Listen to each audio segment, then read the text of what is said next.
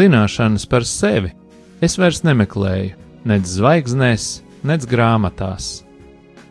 Es tās atrodu, ieklausoties pats sevī.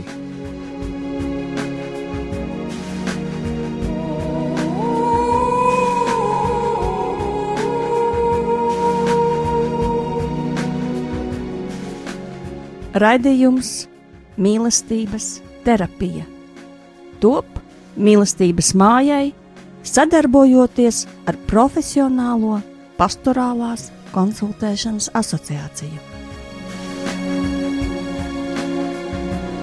Sarunas par sevi, dzīvi, psiholoģiju un dvēseles terapiju.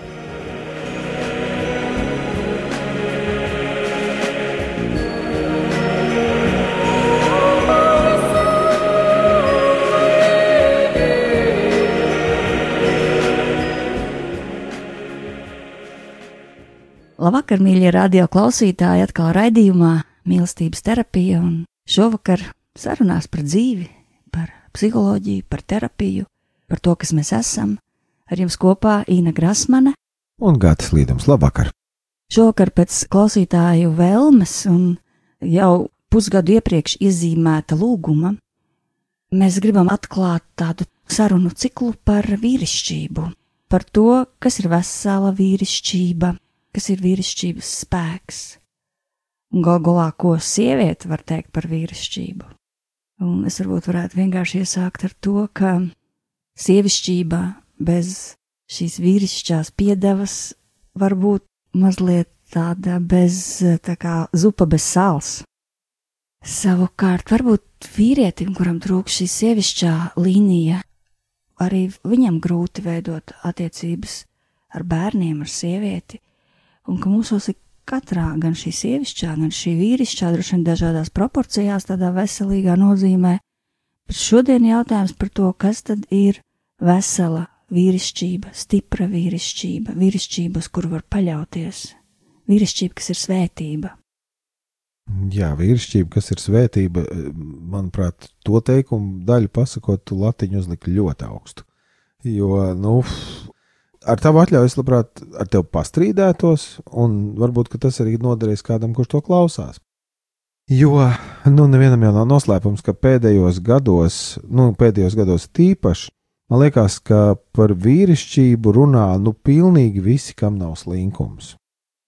Runā žurnālistes un žurnālisti, runā, nezinu, psihoterapeitas un psihoterapeiti, runā priesteri, Un, nu, tā, tas norāda tikai to, ka tas jautājums ir akūts. Viņš ir ienācies. Tātad mēs gribam saprast, kas tas ir. Taču redzot visu to, manuprāt, nedaudz histērisko rosīšanos ap to vīrišķības jautājumu, man gribās kā terapeitam pakāpties soli atpakaļ un teikt, klau, klau, klau, paga, paga, paga.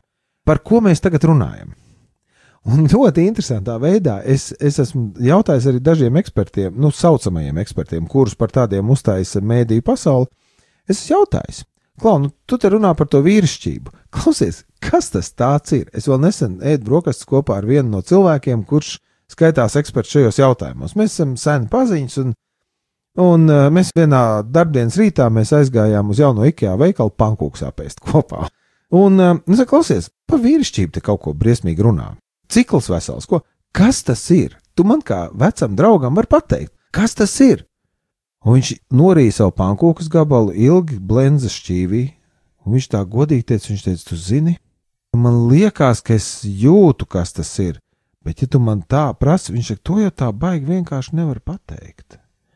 Un tajā brīdī es novērtēju cilvēku godīgumu, bet vienlaikus man vienmēr ir prātā tā ikoniskā frāze, kas tiek pierakstīta Albertam Einsteinam, kad viņš it kā esot teicis, ja tu kaut ko nespēji paskaidrot savai vecmāmiņai, tad droši vien tu to nesaproti pats. Respektīvi, ja mēs runājam par kaut ko lielu un ļoti būtisku, mums ir jābūt spējīgiem pateikt apmēram vienā līdz divos teikumos, kas tas ir. Tad mēs varam izvērst, skaidrot, attīstīt, bet ir jābūt skaidrībai. Un neviens man nav spējis pateikt, kas ir vīrišķība. Neviens. Tad, kad mēs pagājušajā gadā taisījām kopā to semināru par vīrišķību un sievišķību, es taču nedēļu rakņājos pa visādiem datubāzēm un, un bibliotekām un visu kaut ko meklējams par iniciāciju. Par iniciāciju arī mēs daudz runājam. Šausmīgi daudz. Iniciācija vēl viena tēma, ļoti svarīga. Kas ir iniciācija?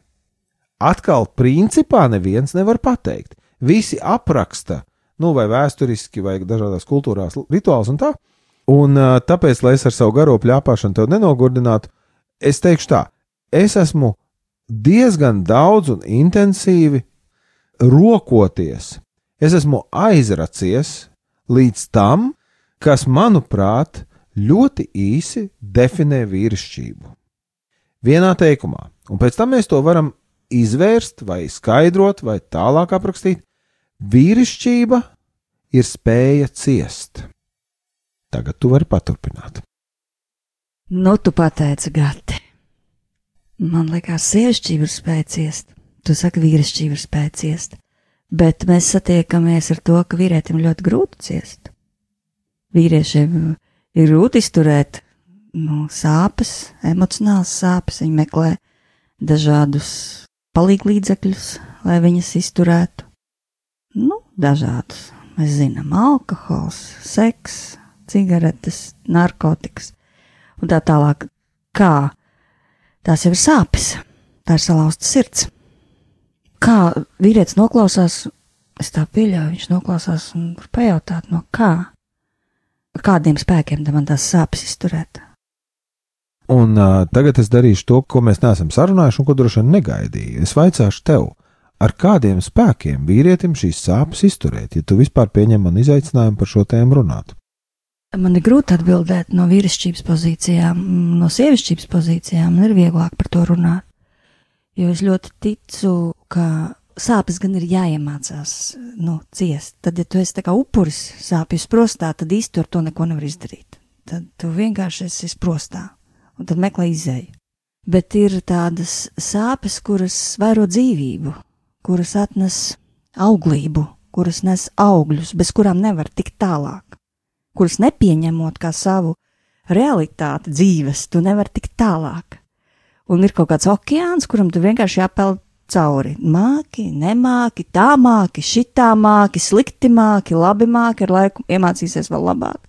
Sievišķīgi priekš manis sāpes es, es iemācījusies pārvērt par lūkšanu, un esmu piedzīvojis, ka tas ļoti spēcīgus augļus atnes dzīvē.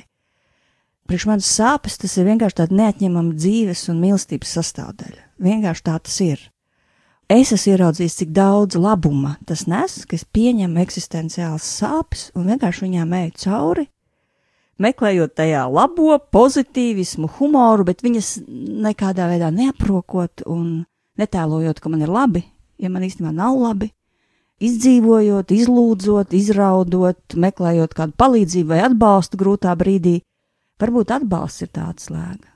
Man kādreiz garīgais tēvs mācīja, nevajag tēlot varoni, vajag pazvanīt, paprasīt palīdzību.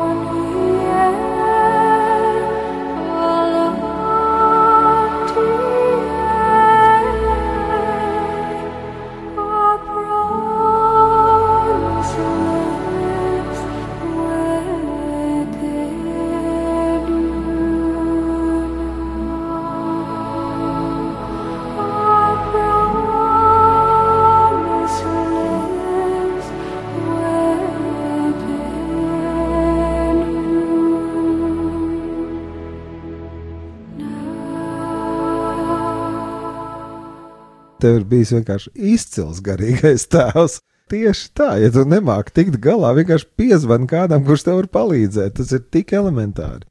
Un, un atkal tas atbalsojās ar to, ko es teicu pirmītie, ka visas ļoti lielās, smagās, grūtās un dziļās lietas būtībā var pateikt vienā līdz trijos teikumos.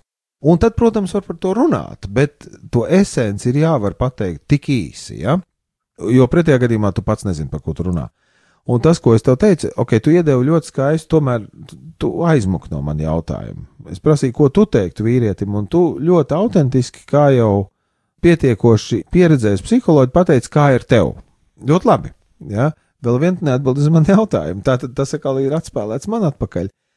Bet tas, ko es domāju, kāpēc tas noreducējās līdz vīriešu spējai ciest, pavērojam vēsturiski, kādi ir bijuši vīriešu iniciācijas rituāli kopš cilvēces rītausmas. Pārsvarā, te gan jāsaka tā, gan, gandrīz visi šie iniciācijas rituāli ir bijuši saistīti ar sāpēm. Jā, jā, tur ir kaut kādi uzdevumi, tur ir kaut kas jāpaveic, bet principā tas viss vai lielākā daļa no tā ir bijusi saistīta ar fiziskiem pazemojumiem ar fizisku sakropļošanu, graizīšanu, sišanu, mērdēšanu, badā dzīšanu mežā, kailiem augstumā. Kas tas ir? Tā nav varonība. Tā ir iepazīstināšana ar sāpēm. Un tad te var runāt par uzsvariem. Vai īsts vīrietis ir tas, kurš jebkuras sāpes pacieš ar sakostiem zobiem, vai īsts vīrietis māks sakost, bet māk vēl kaut ko citu? Lūk, tas ir tas jautājums, bet tā ir tā lieta, kas man uzvedināja uz tām domām, par ko tad ir visi šie bezgalīgi iniciācijas rituāli. Tas ir par ciešanām un par sāpēm. Cik tu vecīt var izturēt? Un, ja tu vari izturēt, tad tu esi vecis, tad mēs tevi ieskaitām vīru grupā. Nu, ja tu nevarēji izturēt iniciācijas eksāmenu, nu, piedod, ja tu vari iet ar sieviešu teltī putru vārīt, ja tad tu nevari ar večiem iet medībās. Te mēs tev nevaram šķēptot, ja tu neesi pelnījis. Tas ir par sāpēm. Un, protams, mēs varam runāt arī nu, par to, par ko tradicionāli runā, ka vīrišķība ir saistīta ar atbildību un vēl tur kaut ko. Atbildība ir vispār cilvēciska lieta. Neviens nav atbrīvojis ne sievietes no atbildības, ne bērnus no atbildības, ne vīriešu no atbildības. Tā ir tāda universālāka lieta. Bet, ja tu pēti, kā ir taisīti vīrieši vēsturiski, nu kam bija jābūt vīrietim? Karotājam un medniekam. Nu, labi, zemkopim. Arī gana smags darbs, ja? Viņu gatavoja šitam. Un, lai viņš ar šito tiktu galā, viņam ir jātiek galā ar sāpēm. Viņam ir jātiek pāri sev, viņam ir jāsakož zobi un jāsaka, vad būs. Nu, spartiešiem, vai nu atnāc mājās ar savām kājām, vai nu lai tev atnes uz vairoga. Nu, tādi divi veidi, kā tu vari atgriezties. Vai nu tu uzvari, vai nu tu esi beigts. Nav trešā veida. Un varbūt tas ir tas, kas to vīrišķības jautājumu padara ļoti grūtu mūsdienās, jo mūsdienās šīs divas iespējas vīrietim vairs netiek dotas. Uzvarēt tev nav atļauts, Tāpēc, ka nedod Dievs pretī, tev būs sieviete, un ja tu nu, kaut ko ne tā sadarīsi, tad mēs tevi iesūdzēsim un izdarīsim tev tā, ka tev maz neliekās, ja? Bet īsti nomirt arī tu nedrīkst, jo, nu, tevi it kā vajag te kādam, un no tevis vajag nodokļus un kaut kādu sociālo atbildību, tā kā tu nedrīksti uzvarēt, bet tev neļauj arī nomirt. Un viss šī identitātes lieta ir vairāk vai mazāk saistīta ar to trešo ceļu, nu kā tad vēl to vīrišķību? Jo tradicionālā nestrādā, un jauno mēs neesam izdomājuši. Un tad, tad ir tās spēles ar identitātēm, un kur tad viņi ir, un tad ir bezgalīgie semināri un bezgalīgie meistarklases par vīrišķību, par atbildību. Jā, ok, mēs meklējam trešo ceļu. Bet vai viņš ir? Es nezinu, vai viņš ir. Viņi droši vien var izdomāt, bet vai tas būs tas īstais, tas ir labs jautājums. Jā, Gati, tad eh, sanāk, ka Tā vēsturiskā iniciācija trenē vīrieti no bērnības ciest sāpes. Man tāds divas domas ap šo visu grozās no vienas puses.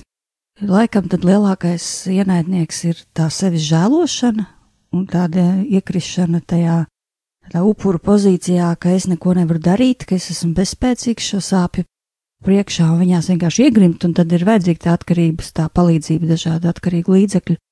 Bet no otras puses audzinu zēnus, Mīlestības māja ir zēnu māja. Tagad, paldies Dievam, te jau ir meitenes. Bet agrāk, pašos pirmsākumos, mums bija divas, trīs meitenes pa visu māju. Mums vienkārši auga džeki. Bet ne tikai šeit, arī iepriekš, jo man daudz gadu ir pieredze šajā pedagoģijā, un man ir eh, ļoti dziļa intuīcija par zēniem. Klausos, man īstenībā tā bilde bišķi savēlkās kopā. Ir situācijas, kad es pilnīgi skaidri zinu, ka tam zēnam ir jāļauj piedzīvot sāpes. Vienkārši viņam ir jāpiedzīvo sāpes, lai viņš kļūtu vesels. Un es esmu meklējis dažādus veidus, kā nepazemojošā veidā, kā tādā stiprinošā pat veidā, viņam ļaut piedzīvot šo sāpju pieredzi, un es reāli piedzīvoju, ka zēni atvesaļojās. Dažādas lietas tur ir. Nezinu, viņš nevar koncentrēties, vispār gudrs, ar intelektu viss kārtībā, viņš nevar nosēdēt vispār stundā, viņam ir jāpiedzīvo kaut kāda sāpīga robeža, kas viņu atved pie sevis, un pēc tam viņš var nosēdēt stundā.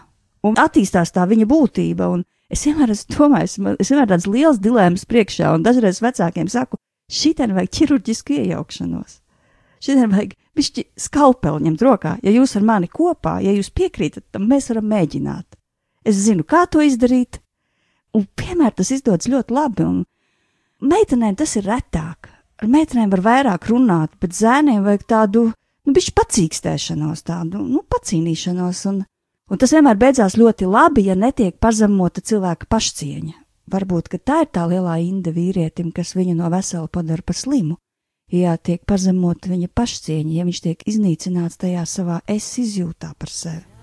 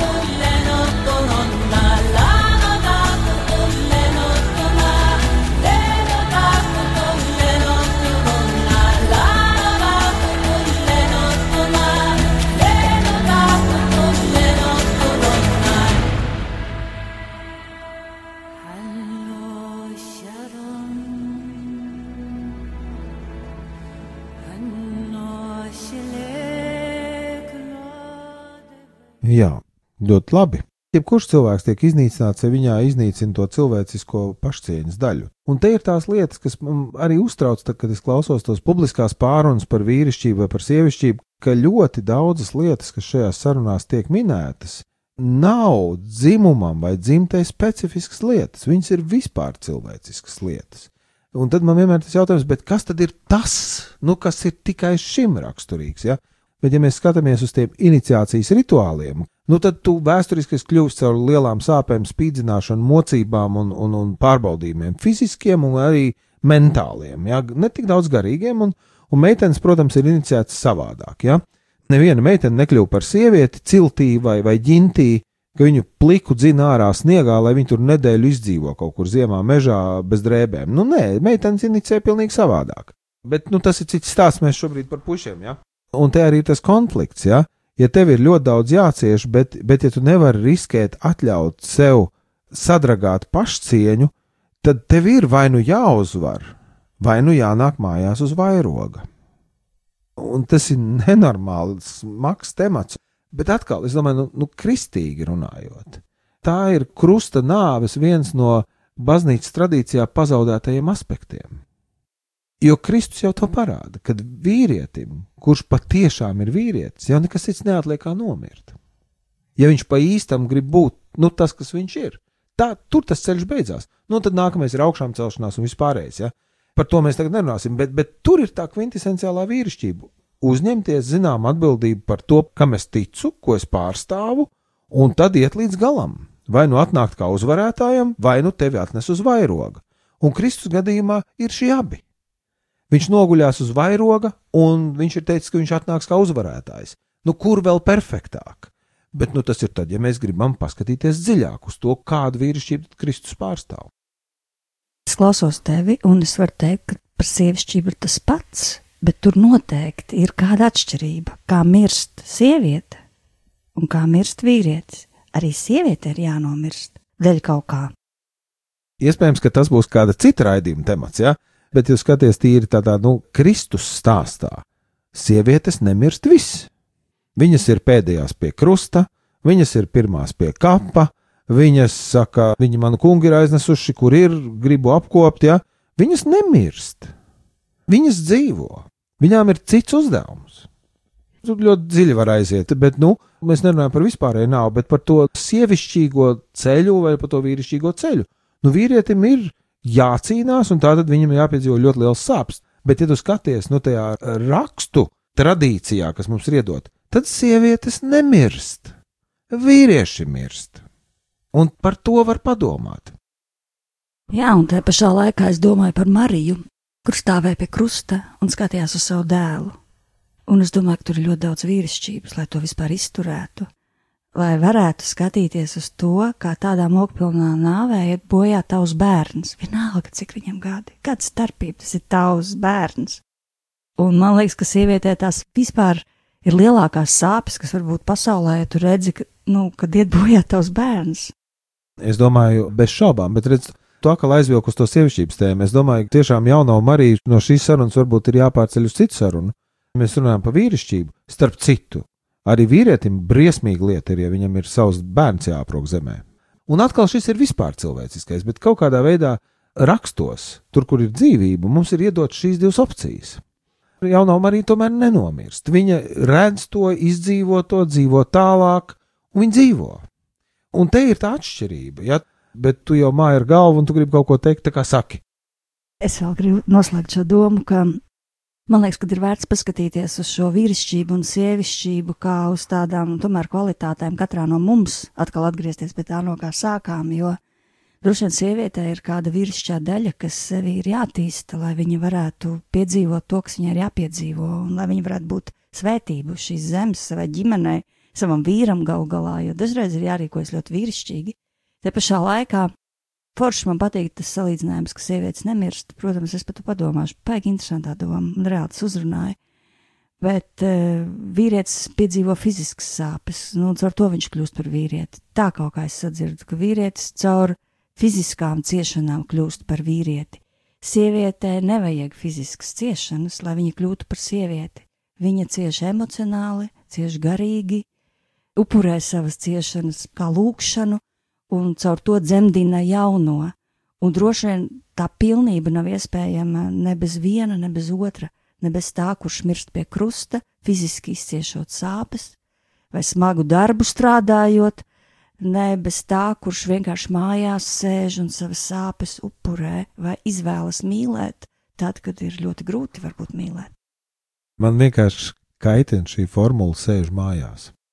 Nesēž mājās, atrodas mājās un šausmīgi daudz dara. Jā, tad, kad kāds saka, nu, viņa jau tikai sēž mājās un tikai ar bērniem. Ko?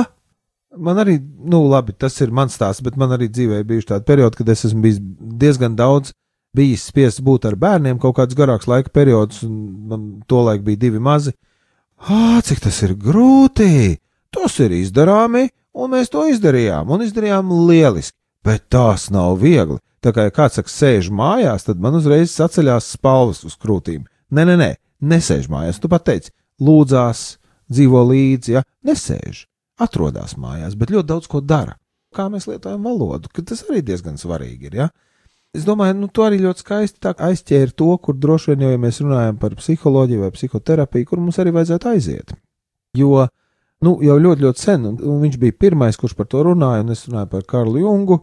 Viņš runāja par to pirmais, un tagad ir vesels, milzīgs junga terapijas skolas, kuras visu šo te turpina, nu, attīstīt, bet viņš bija pirmais, kurš pateica, viņš teica, hei, katrā vīrietī ir sieviete un katrā sievietē ir vīrietis. Nu, mēs to redzam gan medicīniski, hormonālā līmenī, ja, kad labi, vīriešu tas lielais hormons ir testosterons, bet arī viņš sievietēm izstrādājās kaut kādās porcijās, kas viņām kaut ko dod, un nu, viņas tur ir, nu, es nezinu, vai viņas ir vīrišķīgas vai nav, bet, bet viņš tur viņām ir, ja. Un otrādi, nu, lūk, un psiholoģiski arī katrā vīrietī ir viņa sievišķā psihes daļa, kas Junga tradīcijā saucās anima, un katrā sievietē ir viņas vīrišķā psihes daļa, kas saucās animus. Un tas lielais uzdevums analītiskās psiholoģijas tradīcijā cilvēka dzīvē ir iepazīties un iedraudzēties ar savu otru dzimuma daļu, kas tevī ir. Un arī tas ir tāds ļoti interesants ceļš, Jo, protams, ka mēs esam ļoti, ļoti atšķirīgi vīrieši un sievietes, gan fiziski, gan fizioloģiski, gan psiholoģiski, bet mēs esam ļoti līdzīgi, jo mēs esam potēti uz viena cēlma. Un tad tas uzdevums ir iepazīt to pretējo manī, vīrietī sievišķo un sievietē vīrišķo. Un, ja iniciācija, ja mēs vispār pieņemam šo domu, ir tā kā tikšana galā ar sāpēm, tad pieaugšana šī izpratnē noteikti ir pretējā iepazīšana un pieņemšana un integrēšana sevī. Ja, un atkal uzmanīgi jālieto valoda, bet tīri, ja pa vīrišķo sievišķo, tad tas ir tieši tas. Jo tur ir interesanti, ka, nu, ja mēs skatāmies tur, kā tur radīšanas stāsts senebreju valodā tiek izstāstīts, tad eh, tas palīgs, ko es viņam radīšu, ja, tad tur ir vārdiņš pretējs. Tur parādās vārds pretī.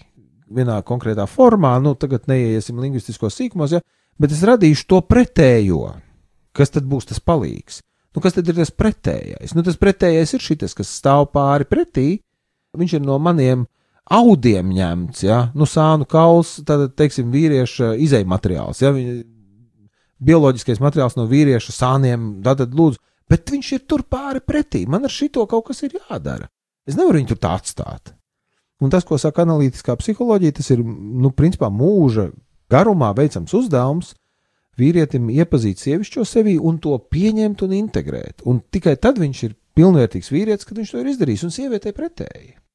Nevis būt par animusa vajātu sievieti, kas ir rigīda, nejauka, stingra, agresīva, bet iekļaut to vīrieti sevī.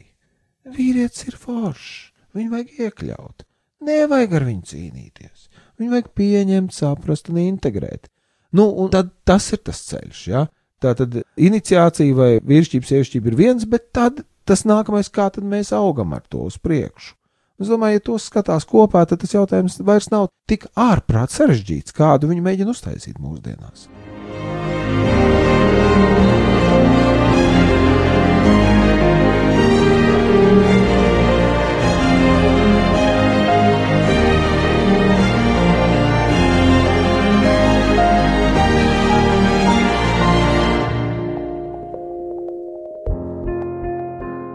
kā vienmēr noslēdzam šo satikšanos, šo sarunu ar lūkšanu, un arī šodien atvērsim savas sirdis un lūksim par vīrišķību katrā no mums, par vīriem, kas mums ir visapkārt, un par to, lai mēs esam kā sievietes stiprinājums vīrišķībai. Un par to, lai mēs tad varētu tavas gudrības dzīvēs satvert, pasmelt un saskatīt to kas mēs esam un kādiem mums būtu jābūt, lai mēs ietu pa pareizu, taisnu, lai arī nelīdzenu un vieglu ceļu, tur, kur mēs beigās varam tiešām īstenot to, kam mums ir jābūt, un tādējādi paši būt sev par svētību un arī citiem, un arī pagodināt tevi. Jā, un svētī kungs visus vīriešus, kas ir katrai no mums kā sievietei apkārt, un dod mums žēlastību, būt par spēku avotu, par avotu, kurš apstiprina, avotu, kurš cietina tā vietā, lai liktu šķēršļus attīstībai. Dod žēlastību, kungs, atbrīvoties no negatīvisma, no ļauniem vārdiem, kas bloķē ceļu, un svētīt tēvs ar dziļu atbrīvošanu, dziļu cietināšanu ar dziļu pieskārienu gan vīrišķai daļai, pie katras sievietes, kas šodien lūdz, gan vīrišķai daļai, katram vīrietim, kas ir iesaistīts šajā lūkšanā. To visu mēs lūdzam Dieva tēva, dēla un svētā gara vārdā. Amen!